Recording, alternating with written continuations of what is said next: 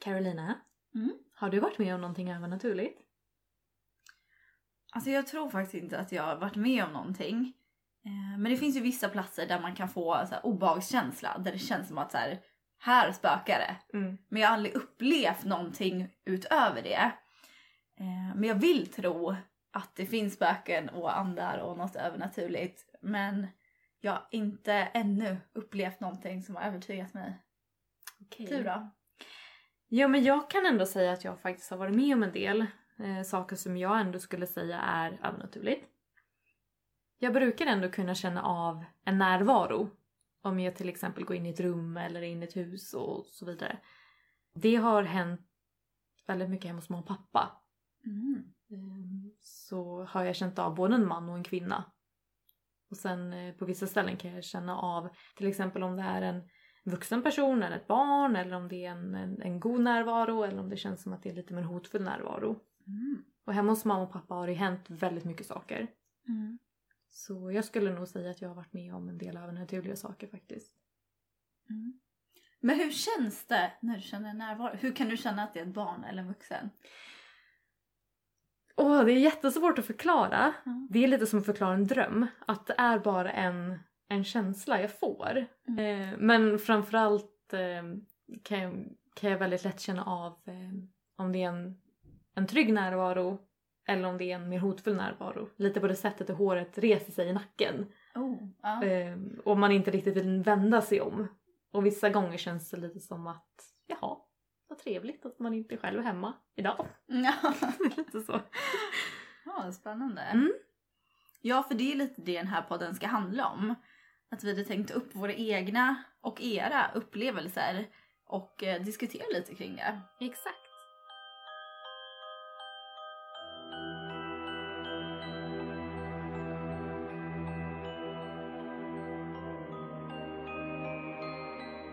Då kanske ni undrar vilka vi är. Mm. Ja, jag heter Carolina Och jag heter Johanna.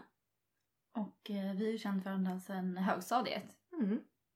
Och eh, ja, vi har väl alltid delat lite samma intresse Mm. för eh, det övernaturliga, halloween, skräckfilmer och sånt. Exakt. Och även om vi har samma intresse där så är vi ju ändå ganska olika i det också. Ja, Att definitivt. vi går lite isär där men ändå Ja. att vi, eh, vi går bredvid varandra men vi går lite isär. Ja. Mm. Olika vägar för att komma till samma mål. Jag har ju en uppväxt där det har uppmuntrats väldigt mycket till det övernaturliga. Mm. Så att om jag har varit liten och har sagt till mamma eller pappa att, att jag har sett ett spöke till exempel, eller säger det, då har inte de bara viftat bort det utan de har ändå uppmuntrat det till att men det kanske är ett snällt spöke. Att de har, de har inte nekat det. Och farmor till exempel, hon har ju alltid varit som en liten, liten häxa i familjen kan man ju säga. Hon är den som introducerade mig till Anden i glaset till exempel. Eh, och jag var ganska liten när jag började spela det. Jag kanske var 9-10 någonstans. Och jag spelade dels hemma hos farmor och sen spelade vi även hemma. Så det kan ju vara därför som jag är väldigt troende på just det övernaturliga. Att det är någonting som eh, jag alltid har funnit också fascinerande. För att det har i, i mitt fall har det uppmuntrats till det. Så att jag kan många gånger när det egentligen är någonting väldigt logiskt som händer så kan jag ändå försöka hitta någonting övernaturligt i det. Även om det uppenbarligen kanske ibland är någonting som är väldigt logiskt. Men för mig, som att jag är så fascinerad av det, så tycker det är så spännande och då vill jag på något sätt ändå hitta någonting övernaturligt i det. Mm. På något sätt. Ja, det är väl där jag är lite tvärt emot. Mm. Att när jag upplever någonting så vill jag först försöka hitta någon logisk förklaring för att jag vill att det inte ska finnas någon förklaring för då kan jag tro på det. Så att när, det, är- ja, när någonting händer och så tänker man så direkt, ja men nej men det beror ju på det här. Då blir jag lite besviken och bara fan, kunde det inte ha varit något oförklarligt liksom. eh, men jag är väl lite mer lagd åt hållet att jag, jag vill ju analysera allt lite för mycket. Jag vill hitta en förklaring. Jag är alltid så. Men också, jag pluggar ju psykologi och det kan ju vara... Jag vet inte om det är därför som jag är mer analyserande eller om det är därför jag sökt mig till psykologi för att jag vill vara lite mer analyserande. Det vet man inte. Nej men jag tycker ju det är väldigt mysigt och spännande med det här övernaturliga. Mm. Men jag tycker att det förstörs när man kommer på att det är påhittat. Mm. När en kompis har berättat en jätteläskig historia och sen efteråt så här, nej men jag hittar på den. Mm. Då blir jag så besviken, jag vill att det ska vara på riktigt liksom. Ja, men jag är verkligen lite lagd i mitten där för att samtidigt som jag tycker det är så himla mysigt med hela den här, det är stämningen jag tycker om, så är jag ju samtidigt jätterädd så att det är ju, är ju det att om jag skulle se ett spöke då skulle jag ju kissa på mig. Alltså jag skulle bli så Ja, men jag rädd. Samtidigt som jag tycker att det är så spännande också. Det här att jag älskar att gå på, på bio och kolla på skräckfilm men när det händer någonting läskigt då vill jag inte titta. Så det är väl det här ehm, stämningen. Lite som jag kan tänka mig folk som går på, kollar på, på sport. Jaha. Att det är liksom den stämningen man vill Mm. åt. Mm. För det håller jag med om. Jag Mm. gillar ju känslan. Mm. Men jag tycker att det förstörs när man hittar... Ja. Det är lite som att tända eller? lampan mitt Ja i. men precis. Så då tänkte vi börja med att berätta lite om våra upplevelser. Mm. När min yngsta lillebror Alexander var ungefär fyra år gammal så stod han med mig och mamma i köket i mina föräldrars hus. Och eh, han skulle springa då till sitt rum som var i slutet av, eh, av en lång korridor. Och för er då som inte har varit hemma hos mina föräldrar så är det här köket då är bredvid hallen och en trappa som löper ner till källaren. Och i slutet av den här korridoren så är eh, hans rum. Och i den här trappan då som löper ner till källaren så hängde det cirka en halv meter in två stycken väldigt tunga gamla svärd i ett kryss. Och de var fästa med två stycken krokar uppe och nere. Och de satt även fast med ståltråd. Nu jag och mamma står kvar i köket medan Alexander då springer bort till sitt rum. Och då plötsligt så hör vi en smäll. Och så vrider vi på huvudet och ser att ett av de här svärden, det yttersta svärdet, ligger och wobblar i den här korridoren precis bakom Alexander. Så den har ju precis missat honom. Och det här har ju inte hänt en gång utan det här har hänt två gånger. Och dessutom bara till Alexander när han har sprungit förbi. Vad konstigt. Det var jätte, jättemärkligt. Och väldigt obehagligt med tanke på att han är så himla liten. Man undrar ju vad som hade hänt om, om svärdet hade träffat honom. Ja men verkligen, det hade ju kunnat gå jätteilla. Ja, jag ska visa dig en bild på de här svärden. Ja. Så där ser ju de svärden ut. Mm. Och de hänger ju kvar i trappan men de hänger på en annan vägg i trappan. De hänger lite längre ner. Okej. Eh, och på den här bilden så ser du då att så där hängde de. Mm. Och det var så det svärdet eh, ramlade. De här bilderna kommer jag lägga ut på våra sociala medier. Så att ni också kan eh, kika på dem. Mm. Okej, men så att svärdet sitter ju som i ett kors och det vänstra svärdet hoppade till vänster. Nej men exakt, det som låg ytterst från det Ja. andra svärdet. Det var Ja. ett spöke som inte tyckte om några barn. Nej, verkligen inte. Nej men det jag tänker på där, alltså enda sättet för att det ska kunna ramla åt vänster är om man slår till handtaget från vänster till höger. Mm. Så skulle det kunna välta runt. Mm. Så då skulle det i så fall kunna vara vibrationen för när den springer i kombination med liksom vinddraget som blir. Eh, om det skulle vara det som skulle kunna putta på handtaget i liksom den riktningen så att det slår mot handtaget och därför flippar den runt. Exakt. Nej men det jag tycker är konstigt det här det är ju att vi alla andra i familjen har ju sprungit fram och tillbaka och det har aldrig, aldrig hänt någon av oss andra. Men bara Alexander. När han var så pass liten. Ja, då känns det som att det måste ha med hans längd att göra. Mm. Att det liksom då kom lufttrycket från rätt... Rätt... eh, Håll. Ja, precis. Om det kan vara något sånt. Mm. Ja det är absolut inte omöjligt. Här vill man ju nästan hitta någonting logiskt i det för att det är ju väldigt obehagligt. Om Ja. det faktiskt är ett spöke som försöker ha ihjäl ett litet barn på fyra. Ja, verkligen. Det känns ju nästan mer logiskt som att absolut med tanke på att de hänger ju i ett, liksom kryss. Då är det klart att det kan ju ställa sig på ra- och ramla åt andra hållet. Men det känns ju också kanske mer logiskt att det bara ska ramla rakt ner i trappan. Ja, det vanligaste är ju att när saker rasar så rasar de neråt, inte åt sidan. Det kan jag hålla med om. Och sen ett par år innan den här incidenten så hände det även en sak med min eh, mellersta lillebror Fredrik. Och han var ungefär ett och ett halvt år gammal. Och då satt han i vardagsrummet och vardagsrummet är då precis mitt emot hallen och trappan och den här korridoren så att det är samma del av huset kan man säga. Och sen plötsligt från ingenstans så börjar han eh, helt hysteriskt att skrika och gråta från ingenstans. Då ser jag att han sitter och blickar mot hallen. Och eh, ingen, ingen är ju där utan han sitter bara och stirrar ut i, i hallen och får något sammanbrott. Och så vi plockar upp honom och försöker förstå vad det är. Och han bara blickar mot hallen och han liksom gömmer ansiktet i, i famnen. Så jag testar att bara gå in mot hallen för att se om det är någonting där som, som kanske skrämmer honom. Och då när han ser att jag går dit då börjar han skrika ännu mer och han börjar gråta och han sträcker ut armarna och vill inte att jag ska gå dit. Så jag går tillbaka mot honom och då lugnar ner sig. Och sen så testade även en annan i familjen att göra samma sak och han reagerade på exakt samma sätt. Så det var så obehagligt för att alla vi upplevde att han såg någonting som inte vi såg.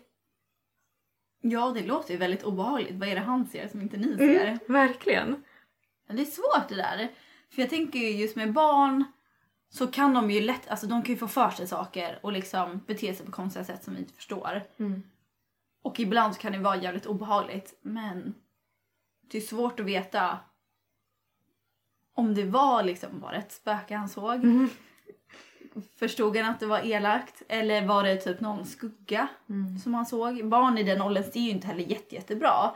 Så det skulle ju kunna vara att han såg någonting som han inte riktigt förstod eller som såg läskigt ut. Mm. Men det behöver inte vara någonting oförklarligt.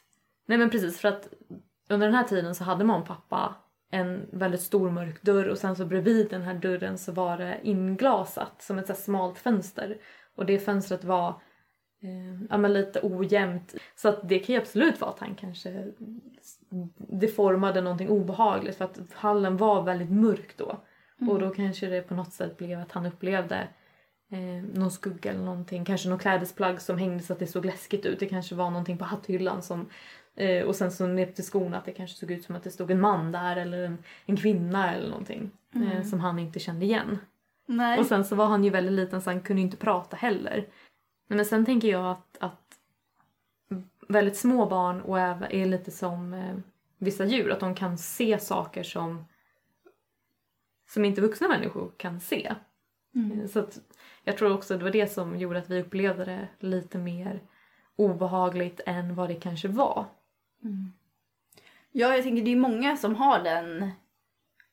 Som tror det, att barn kan se andar och att, att eh, djur kan se det. Så när katter sitter och tittar runt Mm. så blir de rädda för att de tror att det är ett spöke. Men egentligen så tittar katten på en liten fluga. Typ. Mm. Så jag tänker det här skulle ju kunna vara det också. Om ni hade lite den, du och din familj hade lite den tanken att barn kan se övernaturligt. Ni trodde lite på det övernaturliga. Då kan det ju vara också att ni tolkar det som att han ser ett spöke. Fast det kanske var han såg en jacka som var läskig. Mm. Det vet man inte.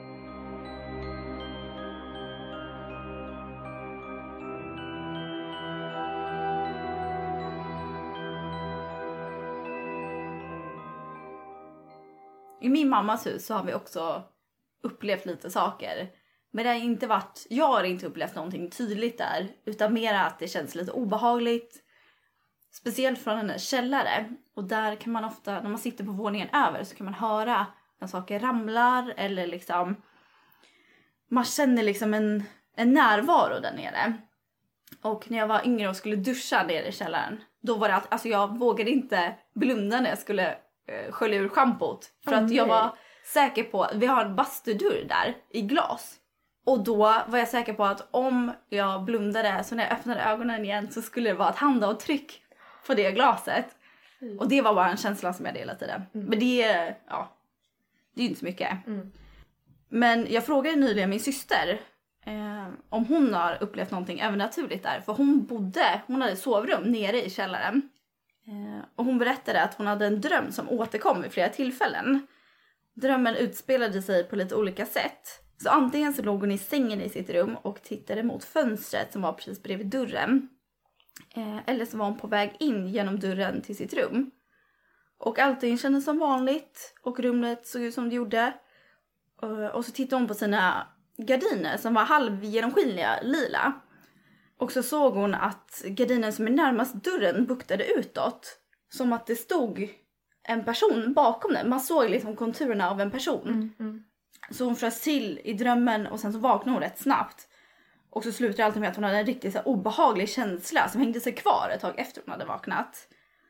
Och den var väldigt återkommande den här drömmen under en lite längre period när hon bodde där. Så en dag så hade min syster en kompis över och de satt nere på hennes rum och pratade och umgicks och så.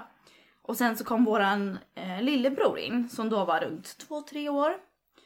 Eh, och han är väldigt duktig på att rita, han ritar fortfarande. Och han älskade det när han var liten, han ritade hela tiden. Eh, så de gav honom lite kritor och liksom ett block och så fick han sitta med dem och rita. Så efter ett tag så frågade de honom vad han ritade för något. Han brukade ofta rita glada saker som blommor och djur och människor och så. Men nu hade han ritat en gubbe som såg väldigt arg ut. Han hade väldigt så här arga ögonbryn och såg riktigt så här ilsken ut. Så min syster blev lite förvånad och frågade vem, vem han hade ritat. Eh, och då ser min lillebror jätteglad ut och säger ingenting men han pekar i hörnet av rummet. Precis där mellan dörren och gardinen. Så både min syster och hennes kompis som hon hade berättat om den här återkommande drömmen för blev helt så här äh, förvånade och frös till lite. Eh, och så skrattade de lite nervöst och bestämde sig för att gå upp till övervåningen och sitta där istället. Och ja, min syster sa ju det att hon är ju lite skeptisk till sånt här. Eh, och att hon tror att det är ju nog en slump att det hände. Men att det var väldigt obehagligt då. Och att det tog ett tag innan hon kunde liksom somna den kvällen i det rummet. Åh gud vad obehagligt. Ja men för jag tycker det här är ju obehagligt. Det var ju verkligen om jag skulle ha känt en hotfull närvaro så skulle det vara så det skulle kännas kanske. Mm. Eh, jag hade ju aldrig sovit där nere själv. och jag förstår att... Nej för jag minns den källaren. Mm. Eh, Nu var det inte så ofta vi var där. Men jag minns eh, att eh, jag minns hur hennes rum såg ut. Eh, Och de gardinerna. Eh, Det kändes som en, en källarstämning. När man var där. Ja men jag tänker det här kan ju också vara lite, lite samma som med Fredrik, din lillebror. Att så här, bara för att han var två, tre så tror man att Mm. han visste att det var spöken. Och han ritar ju väldigt mycket så han skulle ju kunna ritat det oavsett. Och Mm. vi vet ju inte vad han pekade på som han inte sa. Men det är ju ett väldigt obehagligt eh, Mm. sammanträffande. Det är väldigt obehagligt sammanträffande. Barn och spöken är faktiskt lite läskiga. Jag tycker som i skräckfilmer, barn i skräckfilmer är alltid lite läskigare. Och gamla tanter. Ja, verkligen. Mm. Sen har min syster berättat också att hon hörde ofta fotsteg när hon, bodde, när hon sov i det här rummet. Eh, så det lät som att någon med tofflor gick emot sängen. Och sen att det slutade. Mm. Och att hon hörde det flera gånger. Men att hon alltid intalade sig själv att det var en nattfjäril eller någonting som lät mot väggen eller golvet. Mm. Som fick det att låta som, som tofflor. Men att hon kanske egentligen inte riktigt trodde på det men försökte intala sig det som kunde sova. Ja men så är det ju, det kan även jag göra i situationer när man framförallt ligger och sover.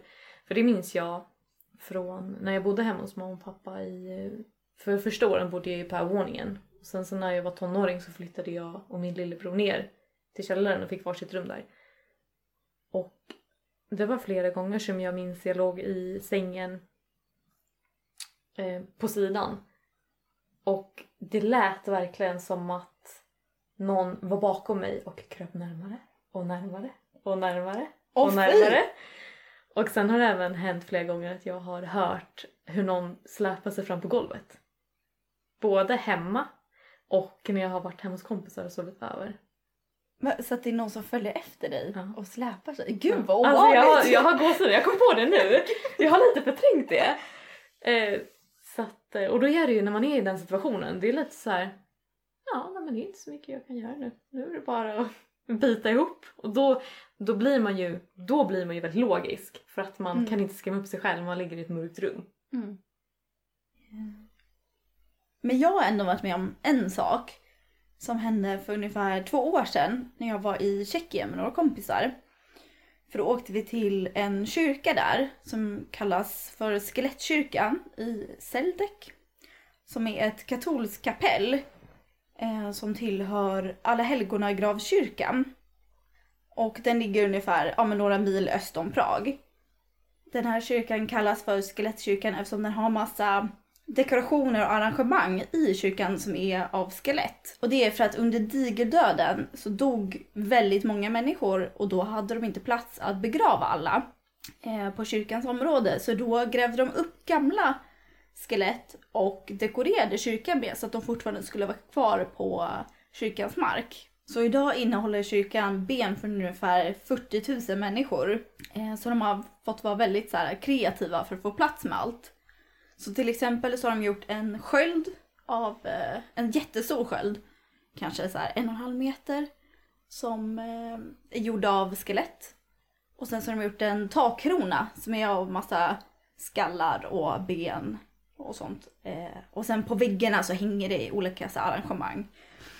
Så det är väldigt, ja det är lite obehaglig syn ändå Mm. att se så mycket döda människor. Men den kyrkan var ändå rätt mysig. Eh, men jag och mina kompisar kom dit precis innan de skulle stänga. Så vi var i princip ensamma där inne. Det var bara två tanter som jobbade där som var där. Nej men så precis när vi skulle gå så har vi en stor duns. Eh, och då var två av mina kompisar var kvar en bit in i kyrkan. Och då ser vi att en skulptur som satt på väggen har ramlat ner på en bänk och sen glidit ut på golvet. Eh, men den här skulpturen var inte gjord av ben. Jag vet inte vad den var gjord av men den var, det såg ut som någon liten, ett helgon eller en ängel eller något sånt där. Så var den lite guldig. Och den ramlade ner så att alla vi hade precis gått förbi där bara några minuter innan. Så att vem som helst av oss hade kunnat fått den på oss. Mm. Och jag hörde det, min kompis pratar tjeckiska.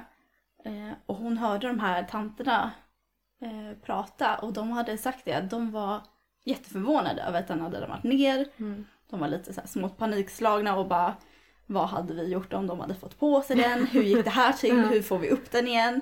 Så att det verkar inte vara någonting som händer ofta. Mm. Så det är väl lite obehagligt att vara i en kyrka full av massa skelett. Och så ramlar en stor tung staty ner nästan på en av oss. Obehagligt att uppleva det. Ja fast jag tyckte snarare att det var lite spännande. För att det hände ju ingenting. Det var ingen som skadade sig. Den satt ju också så långt upp. Den satt väl kanske tre meter upp så att det var ingen av oss som skulle kunna gå emot den så att den skulle ramlat. Mm. Men de höll också på att dränera runt kyrkan. Så de hade grävt upp så när man gick in så såg man ben som stack ut i det urgrävda. Eh, Så att de har väl haft lite fuktproblem i kyrkan gissar jag. Så det kan ju vara något sånt. Men det är ju konstigt eftersom den har hängt där så länge. Mm. Om man googlar bilder på den här kyrkan så får man upp. Då hänger de där, det är två statyer på varsin sida av ett Mm. litet altare eller vad det är. Mm. Och då, den hänger ju på varje bild så den verkar ju ha hängt där Mm. väldigt länge. Och Vi kan ju även lägga upp i, på våra sociala medier också bild på hur, eh, hur den såg ut. Ja, exakt. även- Jag har ju faktiskt en bild också när den har ramlat. Där man ser det Ah. tomma hålet på väggen. Så det kan vi också lägga upp så ni kan, kan få se. Exakt. Så nu har vi ju berättat om eh, några av våra upplevelser. Och vi vill ju självklart veta vad ni tycker och om ni även har några teorier. Och vi vill även veta om ni har varit med om någonting. Och ni får jättegärna skicka in det till oss på Facebook eller på Instagram där vi heter den andra sidan podcast. Och det går även att mejla oss på den andra sidan podcast@gmail.com.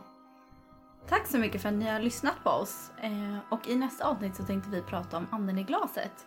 Så vi hoppas att ni vill komma tillbaka och lyssna på oss då också. Så vi hörs då. Ha det bra! Hejdå!